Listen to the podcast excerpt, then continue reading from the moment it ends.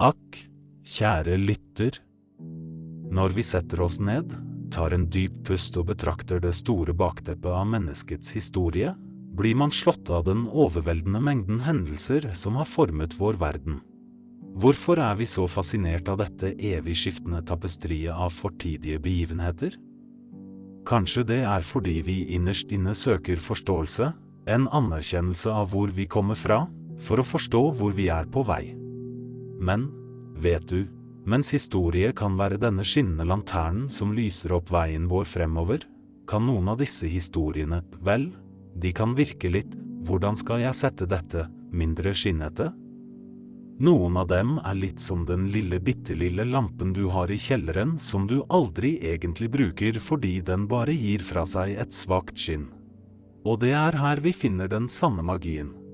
I de små, ubetydelige øyeblikkene. De små fortellingene som kanskje har gått oss hus forbi, men som på en eller annen rar måte gjør livet litt mer livlig. Fordi selv om ikke alle historier er episke sagaer, fortjener hver enkelt fortelling å bli fortalt. Men før vi dykker dypt inn i disse glemsomme øyeblikkene, vil jeg ta et øyeblikk og gi en varm takknemlighet til alle de utrolige lytterne der ute. Spesielt de 20 av dere som allerede har tatt det dype steg og abonnert på denne podkasten. Dere er som solskinn på en overskyet dag, rosinene i bollen, den lille ekstra gnisten som gjør alt verdt det. Jeg vil gå så langt som å si at dere, kjære abonnenter, er som en liten familie. Og for dere som ikke har abonnert ennå, vennligst gjør det. Det er enkelt, det er kjapt, og det kan forvirre deg litt, men det er helt i orden. Og hei, har du noen kjedelige, uforutsigbare og langdryge historieideer som du ønsker at verden skal vite om? Vel, send de til verdens at gmail.com. Hvem vet? Din historie kan være den neste vi fordyper oss i. Så, nå som vi har lagt bak oss den forfriskende introduksjonen, la oss starte vår reise gjennom tidens mørke korridorer og oppdage de små juvelene av historier som venter på å bli fortalt. Og hvor spennende det blir, eller kanskje ikke. Men det er akkurat poenget, ikke sant? Sko. De beskytter våre føtter, gir komfort, og har også en tendens til å forsvinne på de mest uventede tidspunkter. Så la oss ta en reise tilbake i tid, til en bestemt dag i middelalderen. Tenk deg en dag som alle andre, fuglene kvitret, kanskje var det litt regn i luften, og en uskyldig turgåer vandret nedover en støvete vei. Ved hans side, hans trofaste hest. Men vent, noe skjedde. Den ene skoen hans ble borte. Hvordan kan det være mulig? Vel, kanskje han tråkket i et gjørmehull, kanskje skoen bare ble for gammel og falt av, eller kanskje, bare kanskje, det var et lite spøkelse som stjal den. Men tror du han bare gikk videre med én sko? Nei, nei, han brukte sikkert flere timer på å lete etter den, for en sko i middelalderen var ikke bare en hvilken som helst sko. Den kunne være skreddersydd, kostet ham mye penger, og var kanskje et symbol på hans status. Tenk om kongen eller dronningen så ham med bare én sko? Skandaløst. Sko har alltid vært et viktig verktøy for mennesket. Fra de tidligste dagene av menneskelig eksistens, da våre forfedre bandt sammen planter eller dyreskinn rundt føttene for å beskytte dem, til i dag hvor sko er et moteikon. Men la oss være ærlige, uansett hvor fancy, dyre eller komfortable skoene våre er, vi har alle kjent den hjerteknusende følelsen av å miste en sko. Det kan være en flip-flop som blir borte på stranden, en joggesko som forsvinner i vaskemaskinen, eller den gangen du mistet hælen på yndlingshøyhælte skoene dine rett før en viktig hendelse. Nå lurer du kanskje på, hva er poenget med å snakke om en tapt sko fra middelalderen? Vel, det får oss til å tenke. Hvor mange sko har vi mistet gjennom tidene? Hvor mange historier, opplevelser og skjebnesvangre øyeblikk har vært knyttet til en enkel sko? Kanskje, bare kanskje, det er en lærdom i hver tapte sko. En påminnelse om at selv de minste tingene kan ha stor betydning. Og mens vi funderer over dette dype temaet av tapte sko og livets små øyeblikk, kan det være lurt å huske på at ingen sko er verdt å gråte over for lenge.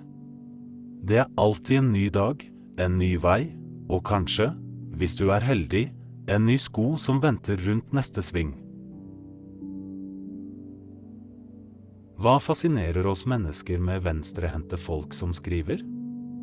Er det hvordan blyanten, pennen eller hva de nå bruker ser ut til å bevege seg på tvers av det naturlige? Men før vi blir for dype her, la oss kaste litt lys over skriveredskapenes utrolige reise. Fra fjær dyppe i blekk til moderne rollerballpenner har skriveprosessen vært like variert som de hender som skriver. Nå, om vi tar en liten tur tilbake i tid, lander vi midt i en periode hvor det viktigste skriveredskapet var en fjær. Ja, forestill deg å være venstrehendt og navigere det vanskelige landskapet med en fjær. En feil vinkel, og alt arbeidet ditt ville ende opp i en blekksprut. Men før fjær, og dette kan virke litt steinalder, faktisk, bokstavelig talt hadde vi stylus. Tenk deg en slags tidlig versjon av en blyant, men uten bly eller gummi, bare en pinne for å rable ned notater på leire. Hvor utfordrende ville det ikke vært for venstrehendte å unngå at leiren smuldret? Men, mens vi er på temaet venstrehendtskriving, Gjennom tidene har de som skriver med venstre hånd vært gjenstand for både fascinasjon og fordom. Det er fascinerende å merke seg at i mange kulturer, kanskje din egen inkludert, var det en tid hvor det å være venstrehendt ble sett på som uheldig eller til og med syndig. Barn ble ofte tvunget, noen ganger brutalt, til å skrive med høyre hånd. Lærere og foreldre trodde feilaktig at dette var for barnets beste.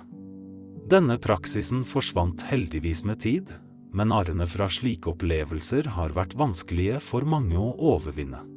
Men hvorfor all denne oppstyret rundt venstrehendskriving? I det store bildet, i en verden som konstant er i endring, hvorfor bryr vi oss så mye om hvilken hånd folk skriver med? Tross alt, med stjerner som dør og fødes, og galakser som kolliderer, er vår lille planet bare en liten prikk i universet. Kanskje det er nettopp det.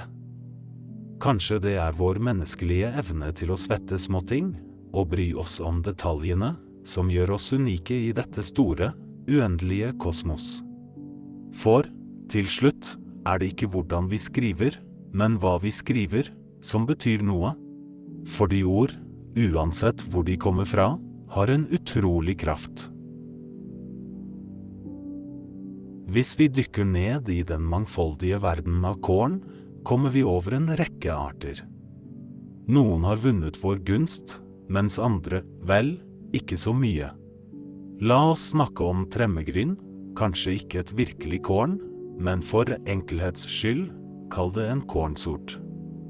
Ikke å forveksle med grøt, selvfølgelig. Tremmegryn, det glemte kornet, hadde en veldig kort tid i rampelyset, før det raskt ble overskygget av stjerner som hvete, ris og mais. Men hvorfor skjedde dette?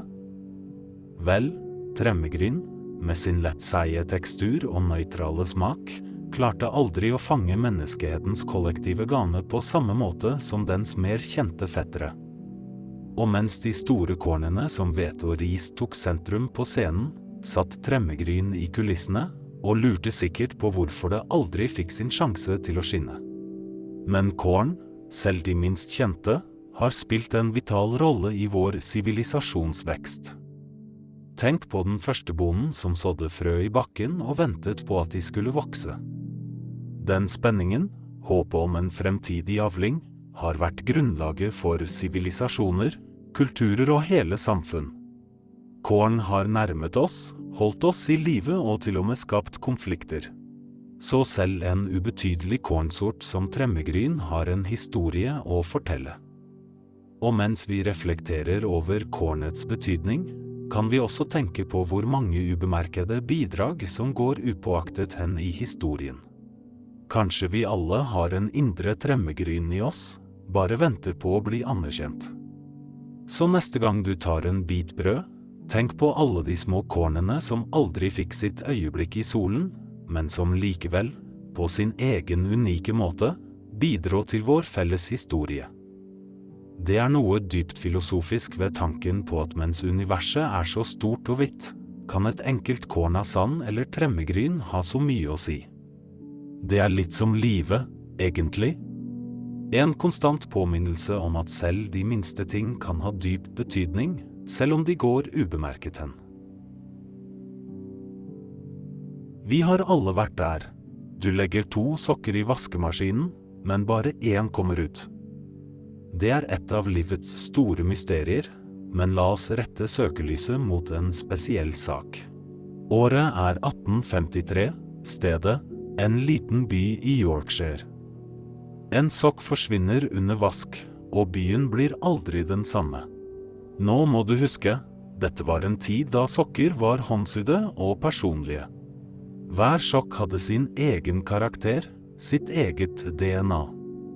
Den tapte sokken i 1853 tilhørte en herr Edvard P. Worthington, en velstående gentleman kjent for sin elegante klesstil. Denne sokken var ikke bare en hvilken som helst sokk, men en del av et eksklusivt par, vevet med den fineste merinolen og brodert med en innviklet peisley-mønster. Da herr Worthington oppdaget at en av hans yndlingssokker hadde forsvunnet, var det oppstandelse. Han gjennomsøkte huset, krevde at alle ansatte søkte etter sokken, og satte til og med ut en dusør for den som kunne returnere sokken uskadd. Men som alle gode sokkmysterier, forble den borte. Men hvor kan den ha tatt veien? En teori sier at den ble stjålet av en misunnelig nabo, en annen foreslår at den rømte for et bedre liv i London. Det ble også sagt at herr Worthington, i hans sørgmodige tilstand, holdt seanser i håp om å kontakte Sokkinson. Men til tross for hans beste forsøk, forble sokkens skjebne et mysterium. Sokkenes tendens til å forsvinne er et fenomen som har forbløffet generasjoner. Fra 1853 til i dag, fra Yorkshire til din lokale laundromat, fortsetter sokkenes uforklarlige forsvinning å forvirre og forundre. Og mens den tapte sokken fra 1853 kanskje aldri vil bli funnet, lever dens legende videre, minner oss på at noen mysterier kanskje bare er ment for å forbli, vel, mysterier. Og mens vi kontemplerer over denne forsvunne sokken, kan vi ikke la være å tenke på alle de andre tapte sokkene gjennom tidene, de stille helter som gikk tapt i klesvaskens viltre verden. Har du noen gang stoppet opp midt i et måltid og virkelig sett på skjeen du holder i? Den ydmyke skjeen, så enkel i form, men likevel så avgjørende for vår matopplevelse. Fra babyens første grøt til bestemors suppe, skjeen har vært med oss, fasiliterte vår ernæring og, ja, vår sivilisasjon. Tenk på oldtidens mennesker, som brukte skall eller flate steiner for å innta flytende mat. Fra disse primitive redskapene begynte Skiens evolusjon. Med oppfinnelsen av metallbearbeiding kom bronse, sølv og gullskjeer, hver med sin egen symbolske verdi og betydning. Mens gullskjeer ble forbeholdt kongelige, ble bronse og treskjeer dagligkost for den gjennomsnittlige borgeren. Men av alle skjeene, la oss dykke dypere inn i middagsskjeen. En mellomstørrelse i skjefamilien, ikke for stor, ikke for liten, akkurat passe for en deilig gryterett eller en hjertevarm suppe. Middagsskjeen balanserer perfekt mellom funksjonalitet og estetikk. Den er den store demokraten ved bordet, tilgjengelig for alle, uavhengig av status. Gjennom århundrene har middagsskjeens form og design endret seg, fra de utsmykkede designene i renessansen til de mer minimalistiske skjeene av moderne tid. Men dens grunnleggende funksjon har forblitt uendret. Og selv om det kan virke som skjeen er en konstant i våre liv, la oss ikke glemme de som ikke har tilgang til så enkle, men essensielle redskaper. Det er fortsatt steder i verden hvor en skje er en luksus, et symbol på velstand og status. Så, neste gang du løfter en skje, uansett om det er en slektning fra bestemors bestikksett eller en fra din lokale kafé, ta et øyeblikk for å sette pris på dens reise. Fra enkle begynnelser til middagsbord over hele verden, Skien forteller en historie om innovasjon, design og vår evige forbindelse til mat. Med tanke på denne forbindelsen, hva kan en enkel skje fortelle oss om den verden vi lever i, og de måltidene som bringer oss sammen? En tanke å fordøye mens vi venter på neste rett. Stille og uforstyrret, i en skuff i et gammelt skrivebord, lå en blyant. Den hadde aldri kjent følelsen av en blyantspisser, aldri følt trykket fra en skrivende hånd, og aldri sett dagens lys etter at den ble lagt bort for så mange år siden. Den var som en drøm som aldri ble realisert, et løfte som aldri ble innfridd. Men blyanten, selv uten spiss, bar i seg en skjult potensiale. Tenk på alle de historier den kunne ha skrevet, de tegningene den kunne ha skapt, eller de ideene den kunne ha ført ned på papiret. En hel verden av muligheter, gjemt bort i en mørk skuff. Dette bringer oss til en større refleksjon. Tenk på alle de ganger menneskeheten har satt penn til papir. Fra steintavler i oldtiden til moderne notatbøker, skrivekunsten har alltid vært sentral for oss. Det er gjennom skriving at vi har bevart våre historier, formidlet våre tanker og manifestert vår kreativitet. Og blyanten? Selv om den kan virke enkel, har den spilt en utrolig rolle i denne prosessen. Den har vært vitne til barns første skribleforsøk i skolebøker, hjulpet kunstnere med å skape mesterverk og bistått vitenskapsfolk i å nedtegne deres funn men den glemt blyanten i skuffen? Den kan kanskje føle seg ubetydelig. Likevel er dens ubrukte potensial en påminnelse for oss alle. Det minner oss om å gripe mulighetene som kommer vår vei, og ikke la våre talenter ligge ubrukte og verdsette de små tingene rundt oss. For hvem vet? Kanskje den blyanten, som aldri ble spisset, en dag vil bli oppdaget og brukt til å skrive noe helt fantastisk. Kanskje en historie, et dikt, eller kanskje bare en enkel dagboksnotat som fanger øyeblikket. Uansett hva det er, venter historien bare på å bli fortalt. Visste du at lenge før blyanter og fyllepenn var det fjern som regjerte som kongen av skriveverktøy? Ja, den gode gamle fjern, som mange kanskje assosierer med gamle brev og kunstneriske manuskripter. Se for deg en fjær som aldri fikk æren av å bli omdannet til et skriveredskap. Den kan ha tilhørt en vakker fugl, kanskje en påfugl eller en svane, og den kunne ha båret med seg potensial til å nedtegne vakre dikt, kjærlighetsbrev eller kanskje til og med viktige kontrakter.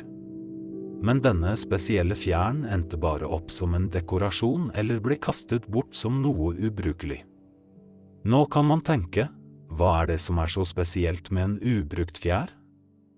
Vel, i likhet med blyanten vi nettopp snakket om, representerer denne fjæren en ubrukt mulighet. Den er et symbol på alt det vakre som kunne ha blitt skapt, men som aldri ble til. I middelalderen var fjærpennen, eller kvill, som den ble kalt på engelsk, et essensielt verktøy for skrivere og lærde. Med hjelp av en skarp kniv ble fjern forsiktig tilpasset for å kunne holde på blekket og gi en jevn skrift. Noen fjærer ble legendariske fordi de ble brukt til å skrive bøker som fortsatt leses i dag. Men hvorfor bry seg om disse fjærene som aldri ble brukt? fordi de minner oss om at verden er full av uutforskede muligheter. Noen ganger kan det være en idé, en tanke eller et talent som aldri blir gitt muligheten til å skinne. Og akkurat som den fjern, har de potensial til å skape noe vakkert, hvis bare gitt sjansen. Så neste gang du ser en fjær ligge på bakken, kan du se på den som noe mer enn bare en fjær. Tenk på historiene den kunne ha skrevet, drømmene den kunne ha realisert, og skjønnheten den kunne ha delt med verden. Og kanskje, bare kanskje, vil det inspirere deg til å gripe mulighetene som kommer din vei. Har du noen gang stoppet opp og tenkt på det lille hullet i buksa di? Ikke et stort, prangende hold, men det bitte lille som du kanskje oppdaget etter en lang dag? Vel, heng med, for hullet i buksa er ikke bare et hull. Det er en hel fortelling. Hvis du ser tilbake til 80- og 90-tallet, var hullete jeans en stor greie.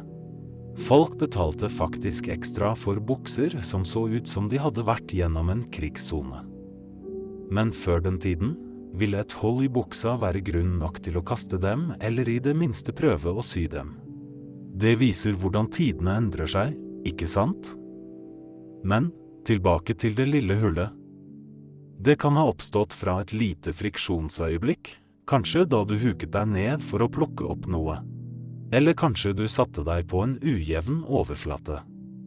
Uansett opprinnelse har det lille hullet kraften til å endre hele ditt forhold til buksa.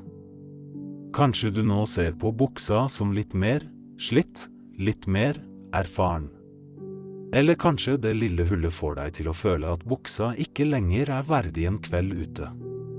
Nå kan noen si det er bare et hull. Hva er den store avtalen? Men her er tingen. I en verden der moteindustrien produserer klær i et rasende tempo, blir det lille hullet en påminnelse om tidens tann, om opplevelser, om livet som har blitt levd i de buksene. Og dette lille hullet, uansett hvor ubetydelig det kan virke, kan være starten på en trend. Tenk deg, kanskje et sted sitter en motedesigner og lurer på hvordan man kan gjenskape det autentiske, naturlig slitte utseende, og vips! Din hverdagslige erfaring blir plutselig mote. Så neste gang du ser det lille hullet i buksa di, se det ikke som en feil, men som en liten bit av din historie, en forandring, et tegn på levd liv. Og hvem vet, kanskje den dagen du bestemmer deg for å flante hullet er den dagen du blir trendsetteren på gaten. I en gammel skoff, bortgjemt bak syltetøyglass og halvfulle batteripakker, lå det en knapp. Ikke en hvilken som helst knapp, men en med mønster og skinnende overflate. Den hadde en gang sittet stolt på en blå skjorte, rett over hjertet, men en dag hadde tråden gitt etter, og knappen hadde falt i bakken. Kanskje har du også en slik knapp? En du har tenkt å sy på igjen, men som forblir liggende, ventende. Dagen den falt av, føltes kanskje som et lite nederlag, men så ble det fort glemt, overskygget av livets større hendelser. Men den lille knappen representerer så mye mer enn bare en manglende detalj på en skjorte. Den er en påminnelse om hvordan små ting kan ha stor betydning. Tenk over det, en manglende knapp kan forandre hvordan en skjorte sitter, hvordan den føles, og kanskje også hvordan du oppfatter deg selv den dagen. En skjorte med en manglende knapp kan føles ufullstendig, litt uferdig. Dette minner oss om at detaljene betyr noe. De små tingene vi ofte tar for gitt, de små øyeblikkene vi kanskje overser, kan være de som binder sammen vår hverdag og gir den mening. Det kan være en vennlig gest, et smil fra en fremmed, eller den varme kaffen du får servert akkurat når du trenger den mest. Så kanskje det ikke handler så mye om selve knappen, men hva den representerer. Hvordan en liten detalj kan minne oss på å sette pris på de små øyeblikkene, og være oppmerksomme på detaljene og gi dem den oppmerksomheten de fortjener. For selv om den blå skjorten kanskje har blitt mindre brukt siden den dagen knappen falt av, lever minnet av den videre. Og den lille knappen i skuffen? Den venter kanskje fortsatt på å bli sydd på igjen, men i mellomtiden gir den oss en påminnelse om de små tingene i livet som binder alt sammen. Tenk deg et blankt ark papir. Renslått, uberørt og ventende. Gjennom tidene har papiret tjent menneskeheten på utallige måter, fra gamle skriftlige opptegnelser i Kina for nesten 2000 år siden, til moderne skrivebøker og kunstverk. Men hva med de arkene som aldri fikk kjenne strøket av en penn eller blyant? I en gammel bokhylle, mellom bøker med historier og kunnskap, ligger det kanskje et notatblokk, kjøpt med intensjoner om å fylles med tanker, ideer eller kanskje skisser. Men der ligger den, med blanke sider, uvitende om de store mesterverk eller hverdagslige notater den kunne ha båret. Disse ubrukte arkene er litt som upeleide marker, fylt med potensial og muligheter. Hvert ark bærer på en ufortalt historie, en idé som aldri ble realisert, eller et øyeblikk som aldri ble fanget men det er ikke alltid fraværet av blekk som gir en historie. Noen ganger er det selve tomheten som forteller en historie. I en verden hvor alt ser ut til å være i konstant bevegelse, hvor informasjon strømmer over oss i et endeløst tempo, blir disse blanke arkene symboler på pauser, refleksjoner og kanskje også tapt potensial. Eller kanskje de representerer et valg, et valg om å ikke skrive, å bevare renheten og la tankene flyte uten å feste dem til papiret. Kan det hende at disse arkene, i sin stillhet, faktisk sier mer enn de arkene som er fylt til randen? De minner oss om at det er rom for pauser, for ettertanke, for å puste dypt inn og la verden gå sin gang, selv om det bare er for et øyeblikk. For mens noen ark er fylt med verdenshistorien, vitenskapelige oppdagelser, kunst og kultur, så har disse blanke sidene også sin plass. De representerer de mulighetene som enda ikke er tatt, de drømmene som enda ikke er drømt, og de historiene som enda ikke er fortalt. Og mens de kanskje venter på den dagen noen griper en penn og begynner å skrive, er de en stille påminnelse om at det er greit å ha rom for det uutforskede, det ukjente og det ubeskrevne i livet vårt. Når man tenker på blekk, ser man ofte for seg gamle, støvete skrivebord, fyllepenn og pergamentark. Men blekk, det har vært med oss lenge, lenge før fyllepennens æra. Fra gamle kulturer som brukte naturlige pigmenter og bær for å skape farge, til de mer sofistikerte blekkproduksjonsmetodene vi ser i dag. Men vet du hva som er enda mer fascinerende? De tomme blekkflaskene. De som en gang var fylt til randen med muligheter, men nå står tomme og forlatt. Kanskje flasken ble brukt flittig av en forfatter, hvis ord kanskje har berørt millioner. Eller kanskje den tilhørte en student som tok notater om drømmer og ambisjoner. Eller kanskje, bare kanskje, står flasken tom fordi den aldri ble brukt. Noen ganger kjøper vi ting med de beste intensjoner, men ender opp med å legge dem til side, glemte og uoppdagede. En tom blekkflaske er som et kapittel som venter på å bli skrevet.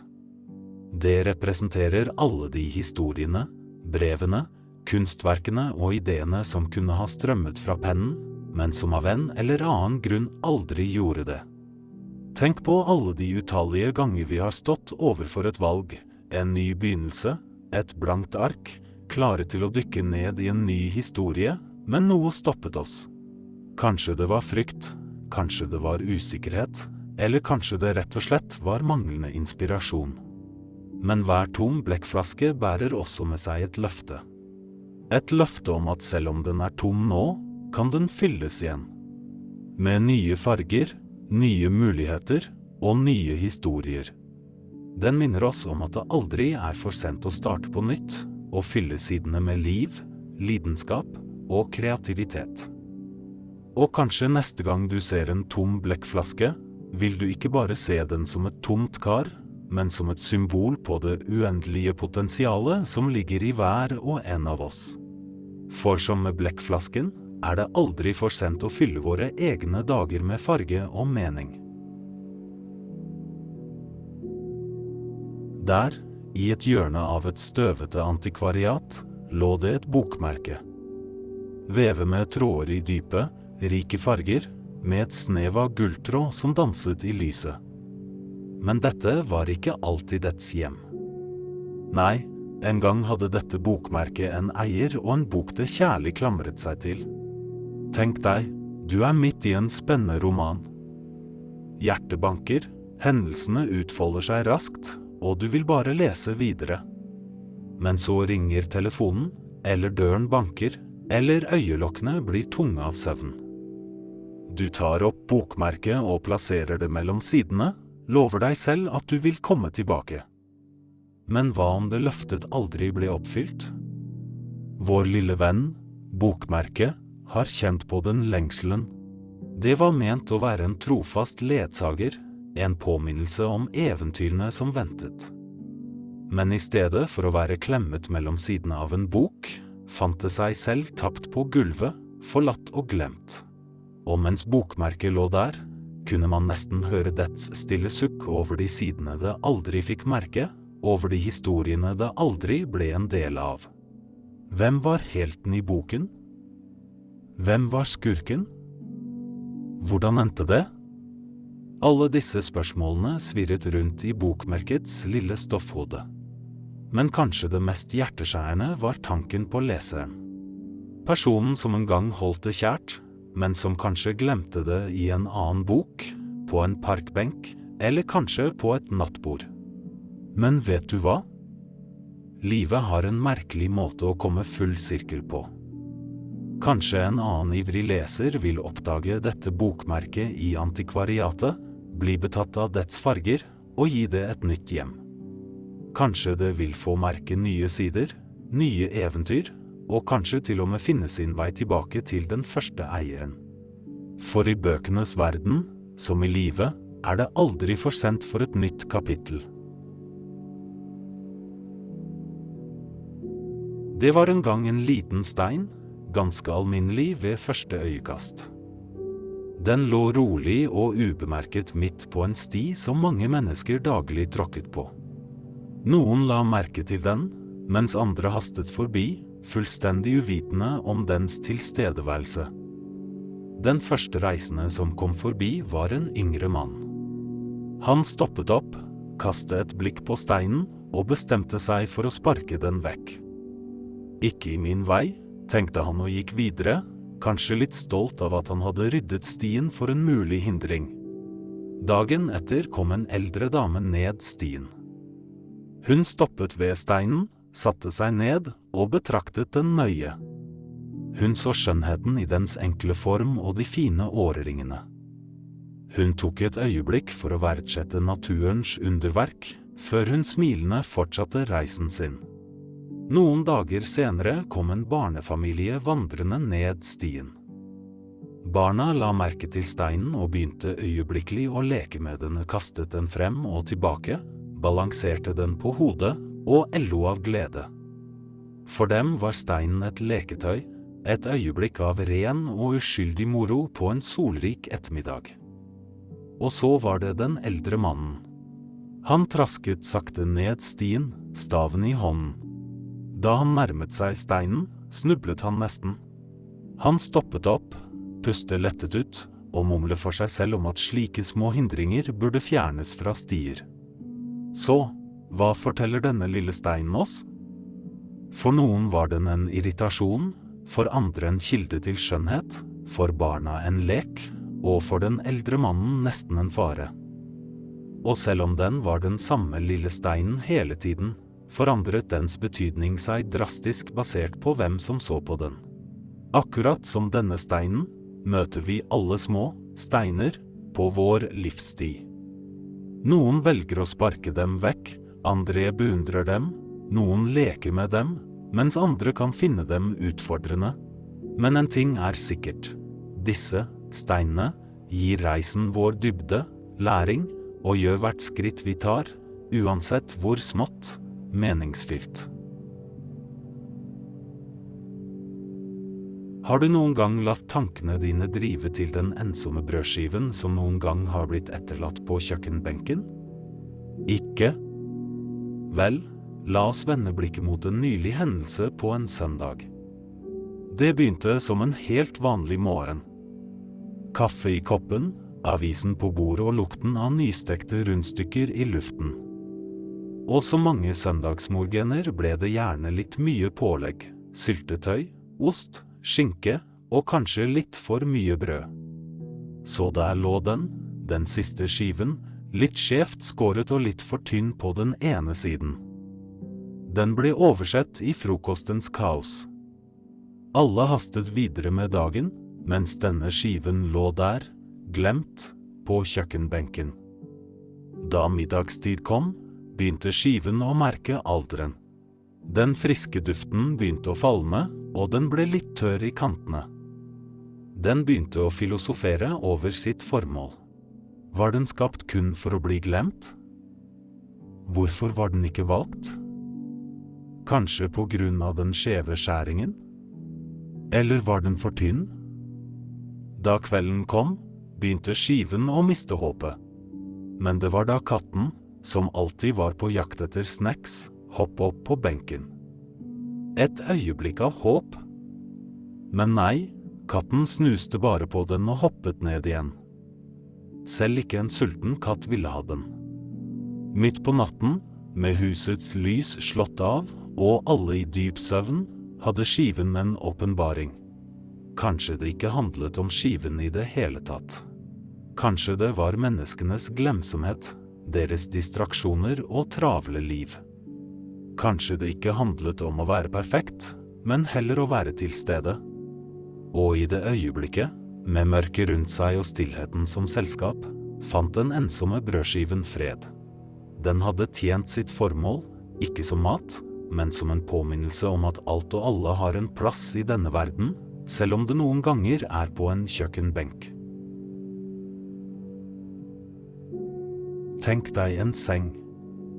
Ikke hvilken som helst seng, men en spesiell seng i et lite soverom, hvor putene ligger i en høy og dyna er dratt skjevt over madrassen.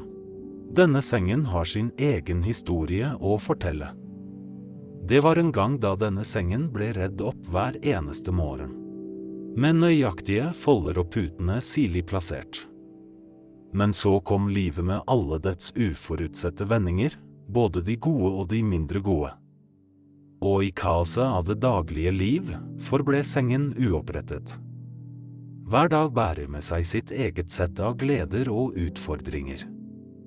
Noen dager er fulle av latter, mens andre er tunge med bekymring. For den som bor her, har denne sengen blitt et sted for refleksjon, et sted hvor livets små øyeblikk har blitt absorbert i lakenet og putene. Dagen hun fikk den jobben hun alltid hadde drømt om, feiret hun ved å stupe ned i sengen og la dyna bli et fjell av glede. Den kvelden da hjertet hennes ble knust, gråt hun inn i puta og lot den tørke tårene hennes. Sengen har blitt et vitne til både triumfer og tårer, men uansett har den forblitt uopprettet. Kanskje det er fordi det er noe ekte og ærlig med en uopprettet seng. Den skjuler ikke hvordan dagen har vært den viser verden i all sin sårbarhet, med alle dens feil og mangler. Kanskje det å ikke redde opp sengen er en påminnelse om at livet er rotete. At vi alle har våre kinker og sår, men at det også er skjønnhet i ufullkommenhet. For i denne uopprettede sengen ligger det også et løfte om en ny morgen, en ny start, hvor lakenet kan trekkes rett og putene kan plasseres tilbake. Eller kanskje de blir liggende slik, som en hyllest til livets uprediktabilitet. Så, neste gang du ser en uopprettet seng, kanskje du kan ta et øyeblikk for å reflektere over de historiene den kan ha å fortelle. Og husk, bak hvert krøllete laken kan det ligge en verden av følelser og opplevelser.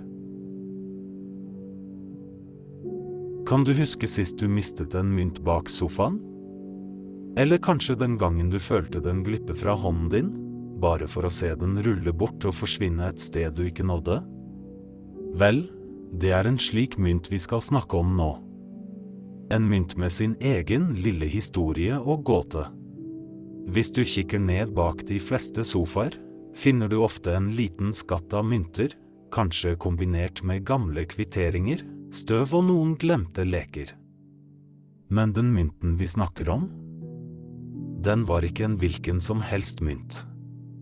Den var en spesiell mynt, gitt i et øyeblikk av kjærlighet, holdt tett i en varm hånd, før den på uforklarlig vis rømte sin eiers lomme og fant sitt skjulested bak sofaen. Men hva er det egentlig med disse myntene som får oss til å verdsette dem så høyt? Er det deres faktiske verdi? Eller er det kanskje minnet og historiene de bærer med seg? Penger, vet du, er en fascinerende greie. De kan byttes mot nesten hva som helst. En sjokolade, en kaffe, en bussbillett. Men samtidig kan de også representere tid, kjærlighet, anerkjennelse. Penger i seg selv er nøytrale. Det er våre følelser og assosiasjoner rundt dem som gir dem betydning. Tenk deg at den tapte mynten bak sofaen, selv om den var borte fra syne, fortsatt hadde en enorm verdi. Ikke nødvendigvis fordi den kunne byttes mot noe, men fordi den var en påminnelse om en bestemt tid, et spesielt øyeblikk, eller kanskje til og med en spesiell person. Mens noen kan se på den som bare en mynt, ser andre en hel verden av minner, drømmer, håp og følelser. Og selv om den ligger der, glemt og skjult, fortsetter den å glitre med sin egen unike glans. Så, neste gang du kommer over en mynt, enten den er ny eller gammel, skinne eller anløpet, ta et øyeblikk for å tenke over historien den bærer med seg. Og husk, noen ganger er det ikke prislappen, men minnene som virkelig teller. Hvem har vel ikke glemt noe et sted? Kanskje et skjerf på kafeen, en nøkkel i parken, eller en bok hos en venn. Disse tapte og glemte tingene får ofte en egen mystikk rundt seg. Og av alle glemte ting, er det én hatt som virkelig har satt sitt spor. Tenk deg en elegant, litt slitt flosshatt. Ikke helt i tiden, men definitivt med karakter. Den har sett bedre dager, men alderen har gitt den en sjarm ingen ny hatt kan matche. Denne hatten har reist. Den har sett soloppganger fra togvinduer, følt regnet på en travel gate i Paris og vært med på hemmelighetsfulle møter i dunkle bakgater. Og en dag, etter en slik lang reise, ble hatten glemt på en buss.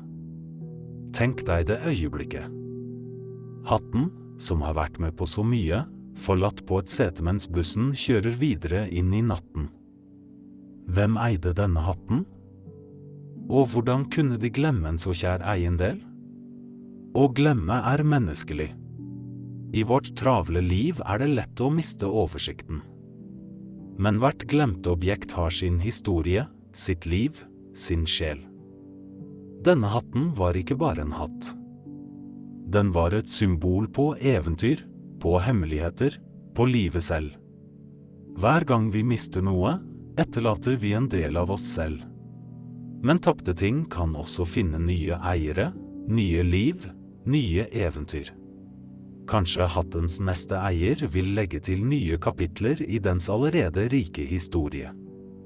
Eller kanskje den bare vil sitte der, på bussens hittegodskontor, og vente på å bli hentet av sin rettmessige eier. Så, hvis du ser en eldre flosshatt neste gang du er på bussen, gi den et nikk, en anerkjennelse. For hvem vet, kanskje den hattens historie er rikere og mer spennende enn mange av livene vi selv lever.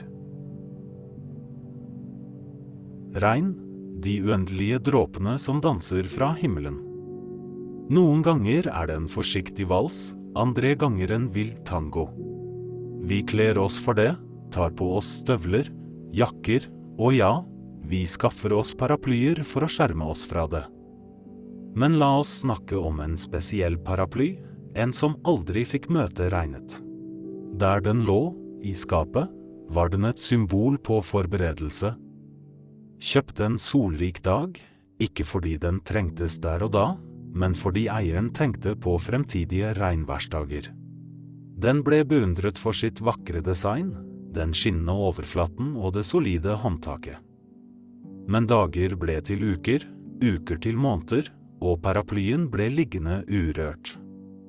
Kanskje er det noe med regnets psykologi, den måten det får oss til å føle. For noen er det en trøst, en påminnelse om at naturen også har sine dype øyeblikk. For andre er det en irriterende avbrytelse, en grunn til å trekke seg tilbake og vente på solfylte dager. Men for denne paraplyen var regnet en forløsning den aldri fikk oppleve. Hver gang dråpene trommet på vinduet, forble skapdøren lukket. Hver gang vinden hylte, ropte det ut for en beskytter, men paraplyen forble borte fra handling. Det er fascinerende hvordan en så enkel gjenstand kan fortelle så mye om livets paradokser. Vi forbereder oss for livets stormer, men noen ganger unngår vi dem helt. Vi søker beskyttelse, men glemmer kanskje å virkelig føle, virkelig oppleve. Og der, i skapets mørke, ventet paraplyen. Ikke med bitterhet, men med håp. Håp om en dag å bli løftet, åpnet og la regnet strømme over seg. Håp om å oppfylle sitt formål, sin skjebne. For i ventingen finnes også en skjønnhet, en påminnelse om at ikke alltid livet går som planlagt, men at alt har sin tid og sitt øyeblikk. Hva er vel livet, hvis ikke en samling av små øyeblikk, tilsynelatende ubetydelige hendelser som til sammen skaper vår hverdag, vårt liv? Vi har delt historier om bokmerker, steiner, brødskiver og så mange andre småting. Og selv om de i seg selv kan virke ubetydelige, representerer de livets intrikate vev av opplevelser. Vi lever i en verden hvor det store ofte blir satt i fokus, de monumentale begivenhetene som definerer vår eksistens. Men det er i det små, det tilsynelatende ubetydelige, at livets sanne essens ofte finnes. For hva ville vel livet være uten disse små øyeblikkene? Øyeblikk som minner oss på at det er greit å glemme, å overse, eller til og med å feile. Til dere som lytter, husk at det er i detaljene at livet virkelig skjer. I den korte latteren, i den milde brisen, i det forsiktige smil fra en fremmed. Livet er en vakker blanding av alt og ingenting, av stort og smått, av betydningsfullt og ubetydelig. Og mens vi nærmer oss slutten av vår tid sammen i denne stunden, håper jeg at dere tar med dere denne tanken. Verdsett de små øyeblikkene. For det er de som fyller våre dager med mening, med glede og med undring. Så, kjære lyttere, Uansett hvor du er, uansett hva du gjør, ta et øyeblikk og drøm. Drøm stort, drøm smått, men drøm. For i drømmene finner vi håp, fantasi og en verden av muligheter.